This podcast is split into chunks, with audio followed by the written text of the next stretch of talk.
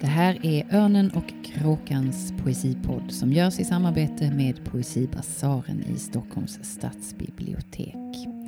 I den här podden samtalar kritiker, poeter och andra om aktuell svensk och nyöversatt poesi. Välkomna till Örnen och kråkans majpodd som vi idag spelar in i, på Malmö stadsbibliotek på en mysig liten scen som heter Krut. Eh, och eh, idag ska vi tala om någonting så intressant som lyriken i musiken och musiken i lyriken. Och här eh, tillsammans med mig, Edith Söderström från Örnen och kråkan, har jag min kollega Helena Boberg som vanligt. Hej, hej. Och så har vi förstås en alldeles eminent panel också. Vi har eh, musikerna och musikskaparna Cecilia Nordlund och Petter Herbertsson. Och ni är ju båda också väldigt intresserade av text och jobbar mycket med det. Ja. Yes. Välkomna hit. Tack. Tack, kul att vara med. Det är jätteroligt att ha er här. Eh, vad är det som lockar er att arbeta i, i det här fältet, att förena musik och lyrik? Vill du börja, Cecilia? Jag tänker att nu är jag ju snart 50 och jag tänker att det har varit olika olika perioder i mitt liv. När jag var yngre då handlade det mycket mer om möt, såklart mötet med publiken. har alltid varit väldigt starkt för mig. Och jag tycker att det är då som låtarna blir någonting eh, och texterna också för den delen. Och då började jag ju spela i rockband. Och då eh, var det ju ingen annan i bandet som brydde sig om texterna. Så det var ju så här, ja men det jag sjunger, då är det jag. Eh, och då handlade det mycket mer om att göra någonting som de andra gick med på att jag skulle göra, helt enkelt.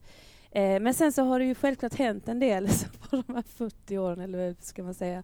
Men eh, självklart, eh, jag, jag, tänker att det är lite olika på humör också. Nu, jag tror att jag blivit lite och det är en jättestor och svår fråga. Ja, den jag. är verkligen det. Den är lite med. för stor. Ja, jag håller med Men jag, jag, kan känna att det beror på vilken slags genre kanske. Mm. Inom rock och pop så har väl eh, texten kanske inte varit lika viktig. Eh, men sen så känner jag att de sista åren har texten mer mer tagit plats även i den genren, vilket jag tycker är väldigt roligt. Som i Sverige så har det blivit mer och mer som sjunger på svenska eh, och sådär. Eh, och sen i andra genrer så är texten otroligt drivande och, och, viktig. Och jag har ju ändå varit en sån som har hoppat runt ganska mycket mellan olika och tycker det är väldigt kul. Och sen så gör jag ju otroligt mycket låtskrivarworkshops med unga där jag eh, faktiskt rappar. Ja, men det är ju jätteintressant för rappen är ju en otroligt ja. stark lyrisk genre. Precis, ja. och, då, och där är det ju liksom A och O på något sätt. Uh, nej, men jag, du får ta över här Peter så kan jag fylla i lite sen. Det blir så svamligt.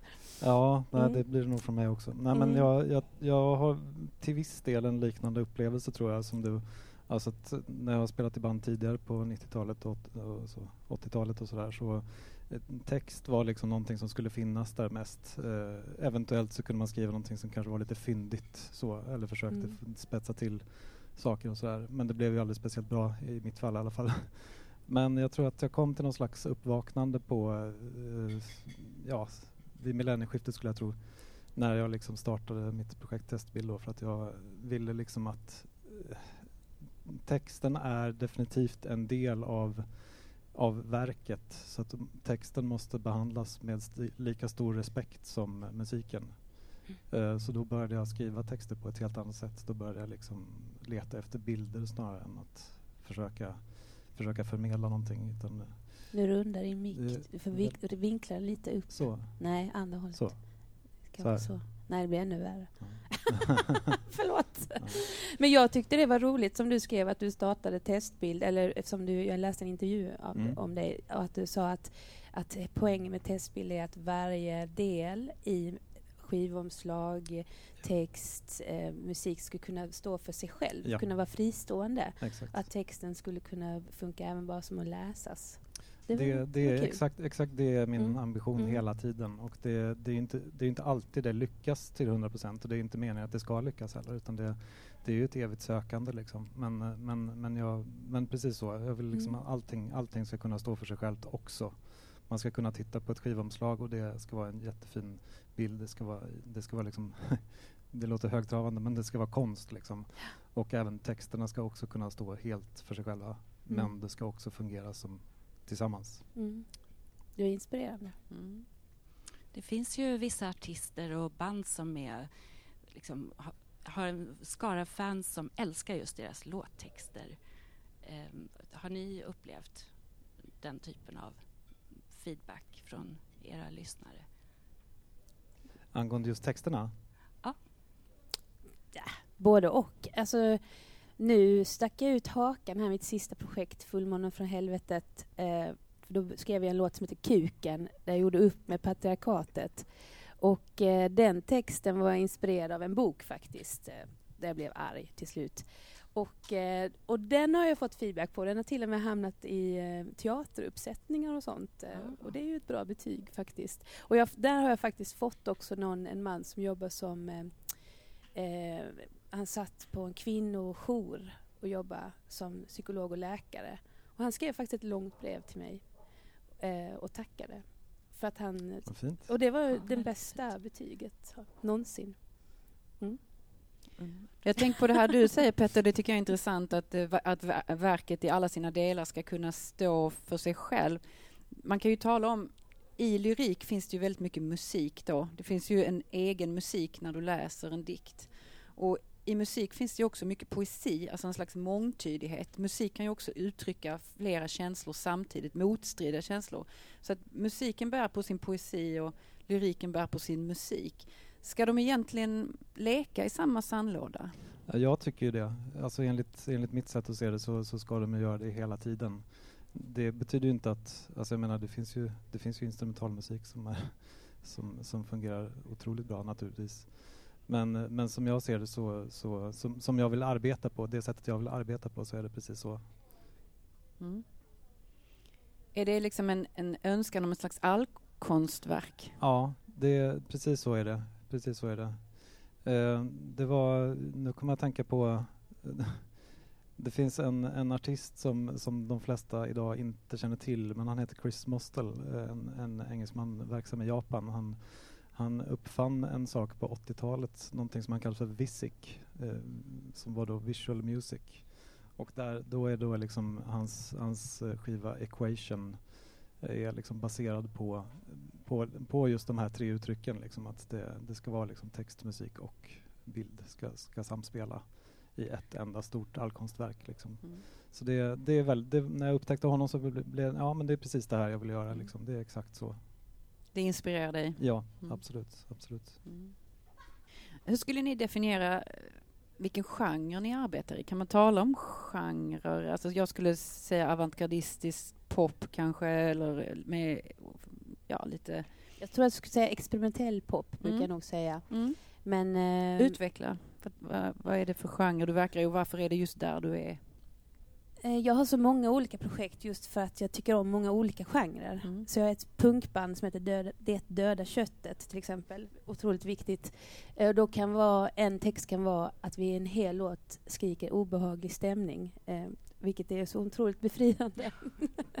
Utveckla det döda köttet också. Det är en väldigt eh, eh, suggestiv titel, tycker jag. Det döda köttet. Va, va? Jag tänker på Baudelaire. Ja, ja men jag, jag vet inte. Men eh, jag tror att vi hade, jag och mina vänner hade ett band som hette Sunshine Rabbits som var discopunk och det var laser och kostymer och eh, wow. Alltså vi var ju jätte, allting var väldigt mycket och, och alter egon och det. Och då skrev vi också i vår alter ego-värld att vi bildade upp en värld av frustrerade kaniner på samhällets botten. Alltså vet, det var mycket sånt skit. Eh, och vi fnissade mycket. Och sen så eh, till slut så kändes det här ohållbart att, försöka, att gå upp och spela en roll hela tiden. Otroligt jobbigt. Att det som typ från början var en befriande ram blev till slut helvetet för mig som jag skapat åt mig själv. Mm. Där jag inte alls ville gå upp och vara mamma fearless. Och då så jag och en i bandet då startade vi Det döda köttet som handlar bara mer om att spela hårt, högt och aggressivt. Och där har väl texten också en viktig roll då? Absolut, på den är något väldigt, sätt, väldigt viktig. Mm. Men eh, nu kommer jag inte ihåg vad den ursprungsfrågan var, det är så typiskt mig. Ja, Din genre lite? Ja, men jag vet. Jo, genren. eh, Det är viktigt med genre för vissa människor. För mig själv skiter jag fullständigt i Mm. genre. Jag försöker att inte tänka på det.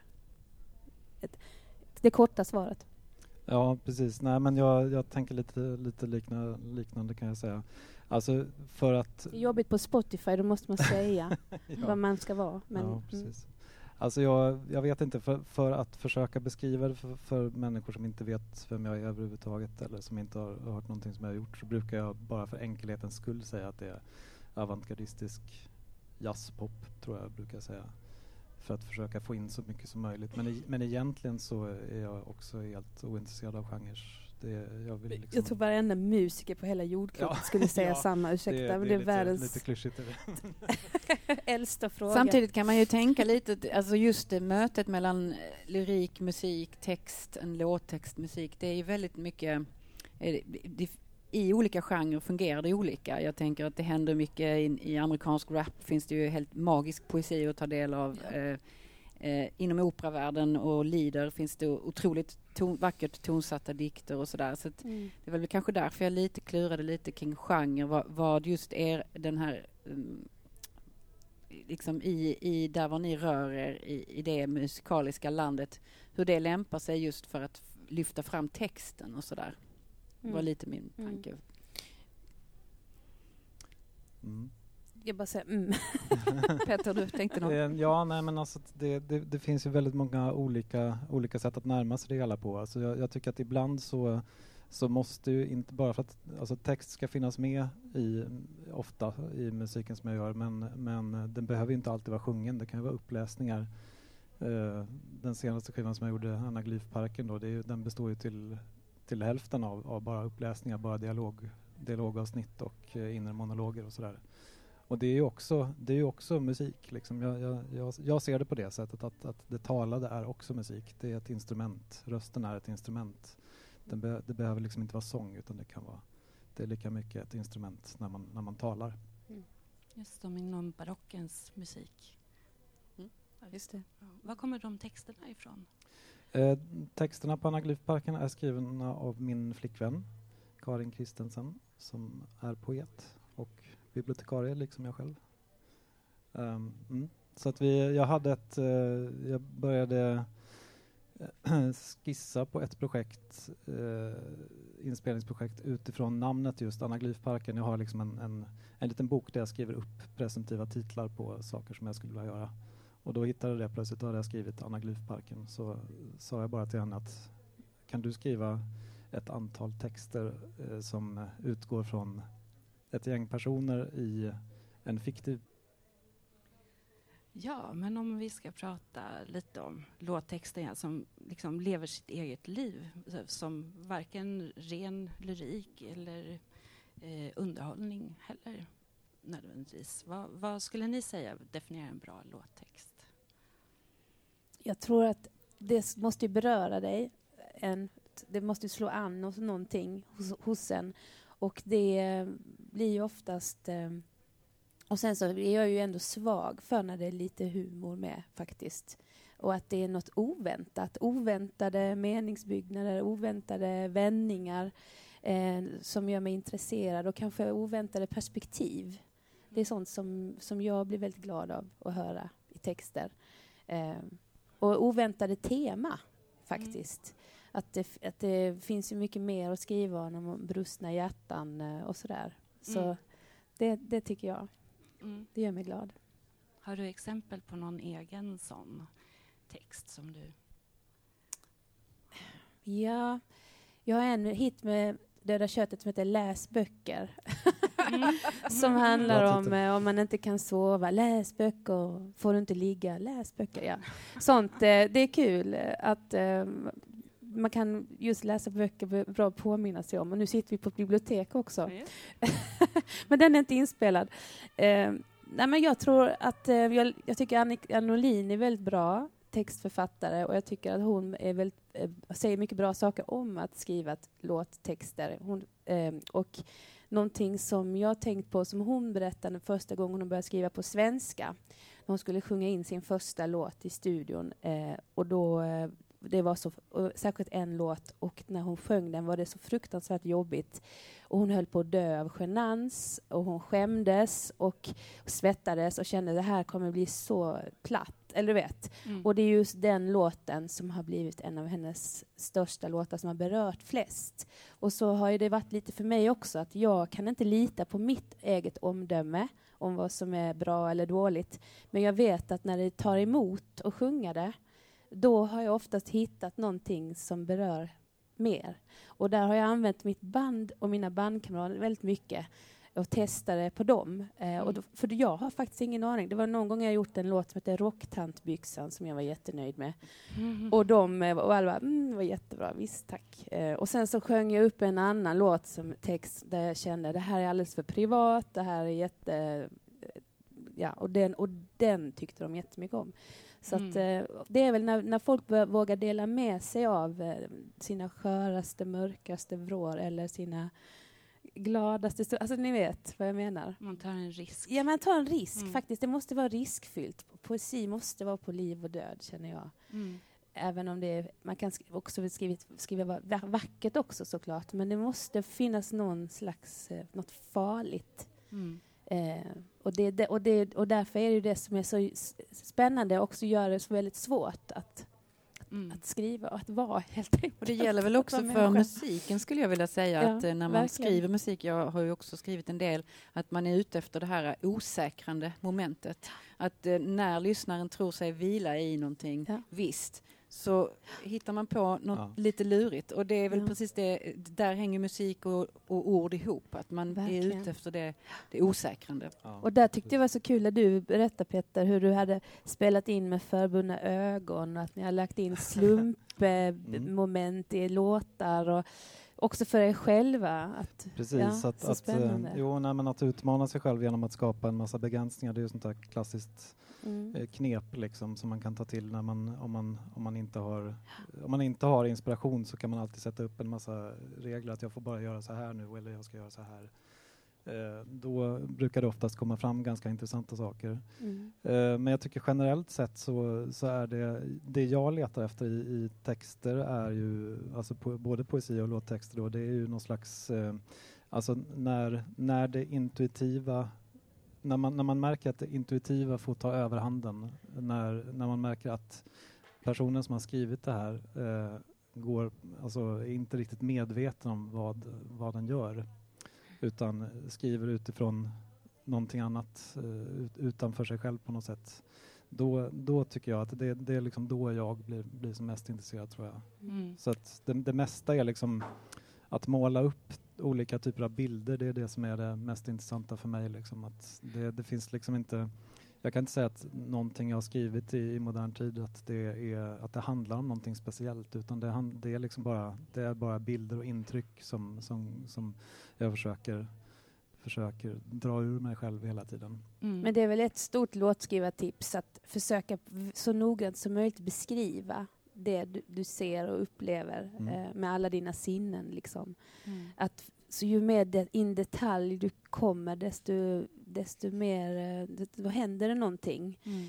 Och att försöka undvika de här generella mm. hela tiden. Utan bara gå in som en forskare, bara djup, djup, djup, djup, djup djupare, djupare, djupare. Absolut. Mm. Det, det bra, och då är det också ett bra sätt att komma bort från sitt eget, eh, sin själv, eh, självegot, alltså det här Självmedvetenhet. Och, och mm. obsessiv. Alltså, mm. Jag tror alla har väl narcissistiska drag eh, som mm. gör sånt, men ja. Kommer man, kom man långt från pitchen, retor politisk retorik och reklamspråk, låter det som. Alla texter som jag skriver någonsin ger jag alltid till min flickvän först. Mm. Uh, för att hon ska få godkänna dem. Hon är en väldigt sträng lärare, har hon alltid varit med. Men det, hon har nämligen en, en, en, nästan spöklik förmåga att kunna identifiera eh, alltså klyschor och, och liksom wow. slitna uttryck och så vidare. Hon, hon säger direkt, hon kan liksom direkt på sekunden säga så här, det här kan du inte, det ordet kan du inte använda där i, i kombination med det och du kan inte skriva så här. Så att eh, det, det, är väldigt, det, det, är också en väldigt lärorik process mm. att låta det filtreras genom henne. Och det måste vara olika processer att skriva för musik eh, och att skriva för pappret, boken. Absolut. Som du måste samarbeta. Hur mm. tänker ni där? Alltså någonting som jag har tänkt på, det, du får gärna fylla i här, det är, det är ju att det, liksom, det funkar inte alltid att bara, bara för att okej, okay, jag har en låt här nu och så ska jag skriva en låttext och så kommer jag på lite ordföljder och meningar som, ja men det här är ganska fint. Men sen så låter det inte bra när man sjunger dem. Och så, så mm. och så måste man liksom ändå ändra på det fast man tycker det man har skrivit är bra, men därför att det låter inte bra när det sjungs. Nej, för att det blir inte musik av det, eller? Ja, det, eller är det, det, är något, det är det något Orden liksom, funkar liksom inte i munnen. Precis. Vissa ord kanske jag måste sjunga, inte för att, för att, de, för att det känns som att jag måste sjunga dem, man ska ja. säga. Ja. Uh, och jag tror att när jag var, när jag var yngre, då, då skrev jag ju all musik, alla texter, alltså att vi jammade ju fram låtarna och då sjöng jag ju på svengelska, sådana låtsasspråk. Mm. Rat, roll, ray. Och sen hade man fått in en melodi och sen gällde det att hitta de orden. Och det är så många parametrar samtidigt faktiskt. Ja, men det får man tänka på, för det tycker jag är jätteintressant att fråga alltid musiker och textförfattare hur ni angriper processen. Är det så att textförfattandet kommer först eller musiken först eller i en enhet eller i sam samtidigt? Somliga Eh, för egen del har jag alltid skrivit musik först och sen textat, men det kan ju vara tvärtom också. Det beror på. Jag gör både och. Mm. Vad tycker du är roligast? Eller är det roligt på olika sätt? Ja, det beror på vad man är. Ja, vad skulle du säga Petter? Alltså det, det beror definitivt på, men jag skulle säga i mitt fall så handlar det åtminstone till 75 procent om att musiken kommer först. Mm. Men eh, det är ju också en anledning till att jag många, i många fall väljer att inte göra det på det sättet för att för att jag inte ska stagnera i någon mm. form. Liksom.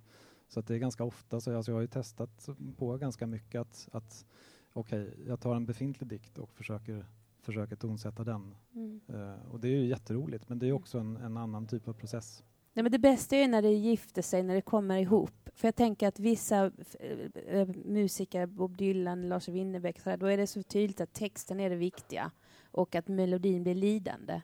Och jag tycker om det till en viss del, men jag kan också tycka att det är otroligt tråkigt att höra efter ett tag. Mm. Eh, att melodin får liksom bli så kuvad under det. Det bästa är ju när man lyckas med båda ihop. Kan du ge ett exempel på en perfekt symbios, tycker du, där en textförfattare har eh, gift musiken och alltså där musik, lyrik och musik gifter sig i ett låttextsammanhang?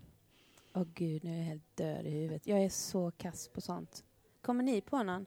Publiken?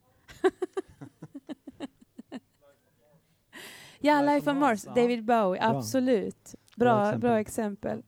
Vad skulle, har du något sånt uh, favorit? Eh, alltså det är också, jag blir också lite ställd nu faktiskt. Det, det skulle, alltså, egentligen har jag nog jättemycket att säga om det här men, men eh, jag tycker väldigt mycket om en, en, en, en uh, indiegrupp från Stockholm som heter Ny Akustik som väldigt få har, har hört talas om. Mm. Uh, som, uh, där tycker jag att de, de har något slags liknande uh, liknande tänkesätt tror jag. Liksom att, att där, där fungerar text och musik extremt bra ihop just för att de har arbetat så jävla mycket med det. Man, man märker liksom att de, mm.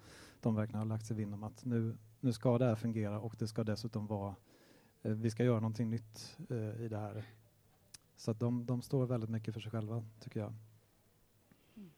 Ja, det kan ju vara så olika. Det finns ju verkligen den här lågmälda sammanflätningen, sen finns det mer bombastiska varianter. Jag har ett exempel från eh, den klassiska musikvärlden.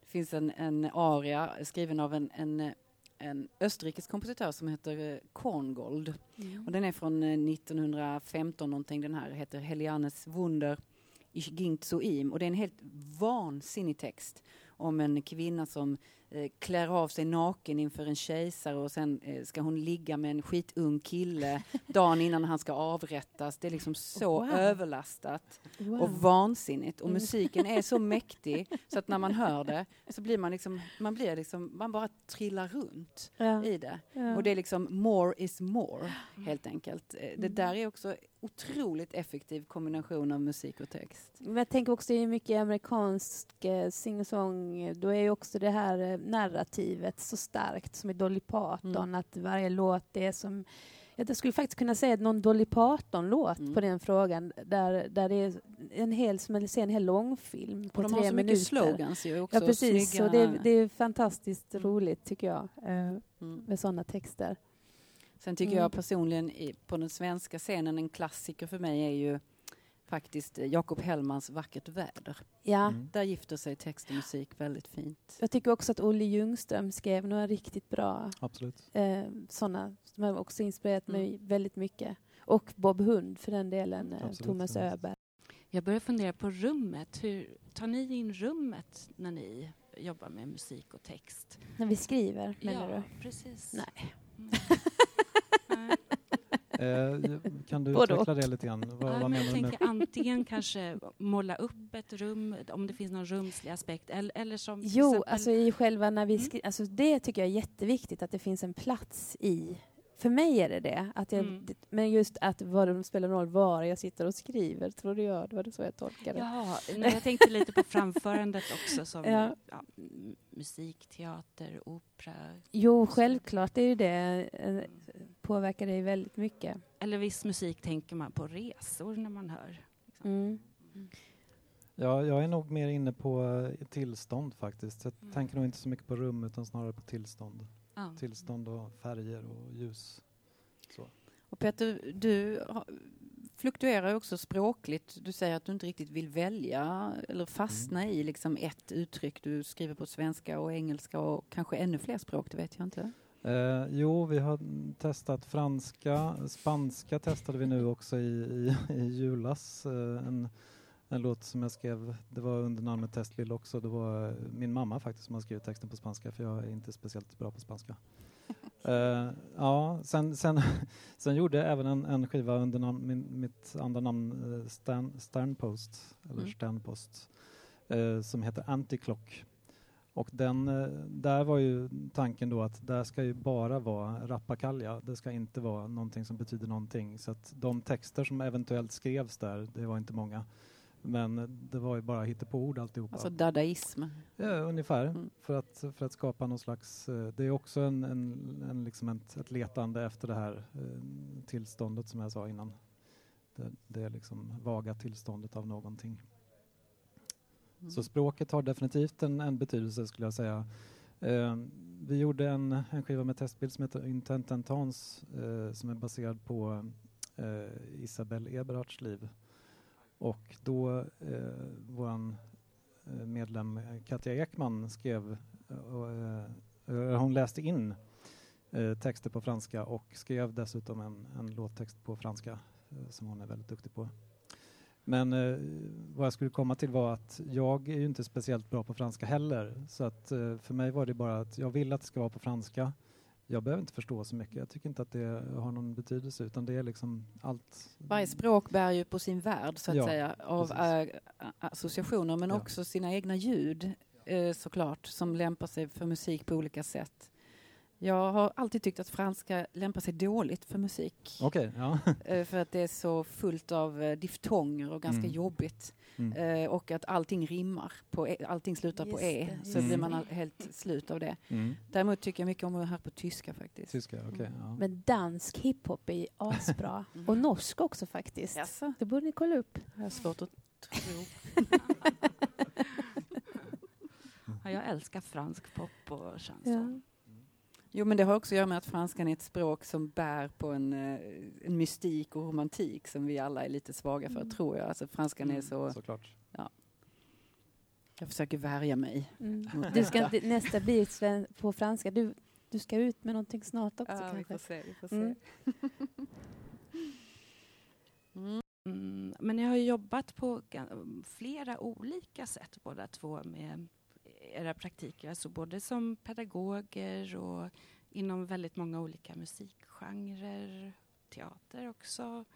Ehm, alltså är det berikande? Jo, det är berikande såklart och roligt att få vara med i ett kollektiv. Nu är jag med, precis med på Folkteatern och, som musiker på scen och kompositör.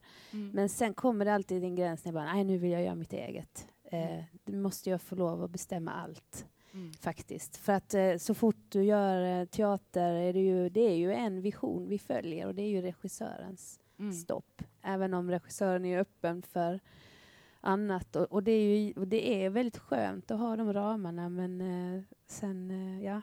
Mm. Det måste vara en balans, tror jag. Absolut. Så nu har jag lovat mig själv att inte göra något med någon annan minst ett år, mm. faktiskt. Kan det vara en bra växelverkan där? Ja, det får det vara. Och det, mm. Jag tycker också det är samma det som att vara pedagog eller så här, låtskrivare som jag håller på med mycket. Att, eh, jag tycker att jag är bäst lärare när jag själv gör och är mm. aktiv. Så går, så går det för lång tid att jag inte gjort mitt eget eh, då tycker jag inte att jag är lika bra lärare. Kan heller. det hända att man blir liksom avundsjuk på sina elever och deras skapande om man inte själv håller på? Nej, jag är inte avundsjuk. Det är jag inte. Uh, nej, det skulle jag inte vilja säga.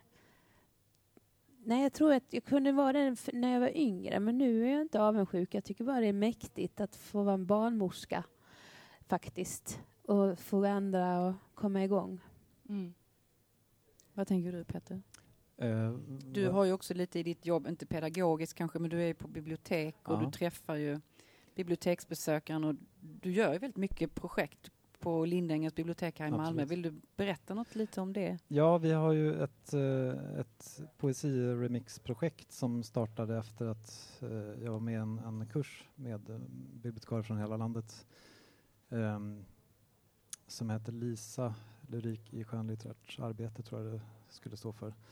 Uh, så vi skulle starta ett projekt på uh, vart och ett bibliotek så vi startade då, eller jag startade projektet Redikt som var poesiremixer Eh, där vi tog eh, inlästa dikter från poddpoesi.nu, då den här sidan där poeter, svenska poeter själva läser in sina dikter och eh, började remixa där och det var väldigt, väldigt roligt. Så, att, eh, så det är som cut-up-teknik? Eh, eller så att det Ja, alltså, alltså jag, delvis, delvis är det det. Mm. Uh, jag, jag, tänkte från början så, här, så tänkte jag att, att um, när jag började med den här remixen att de inte, jag får inte klippa för mycket.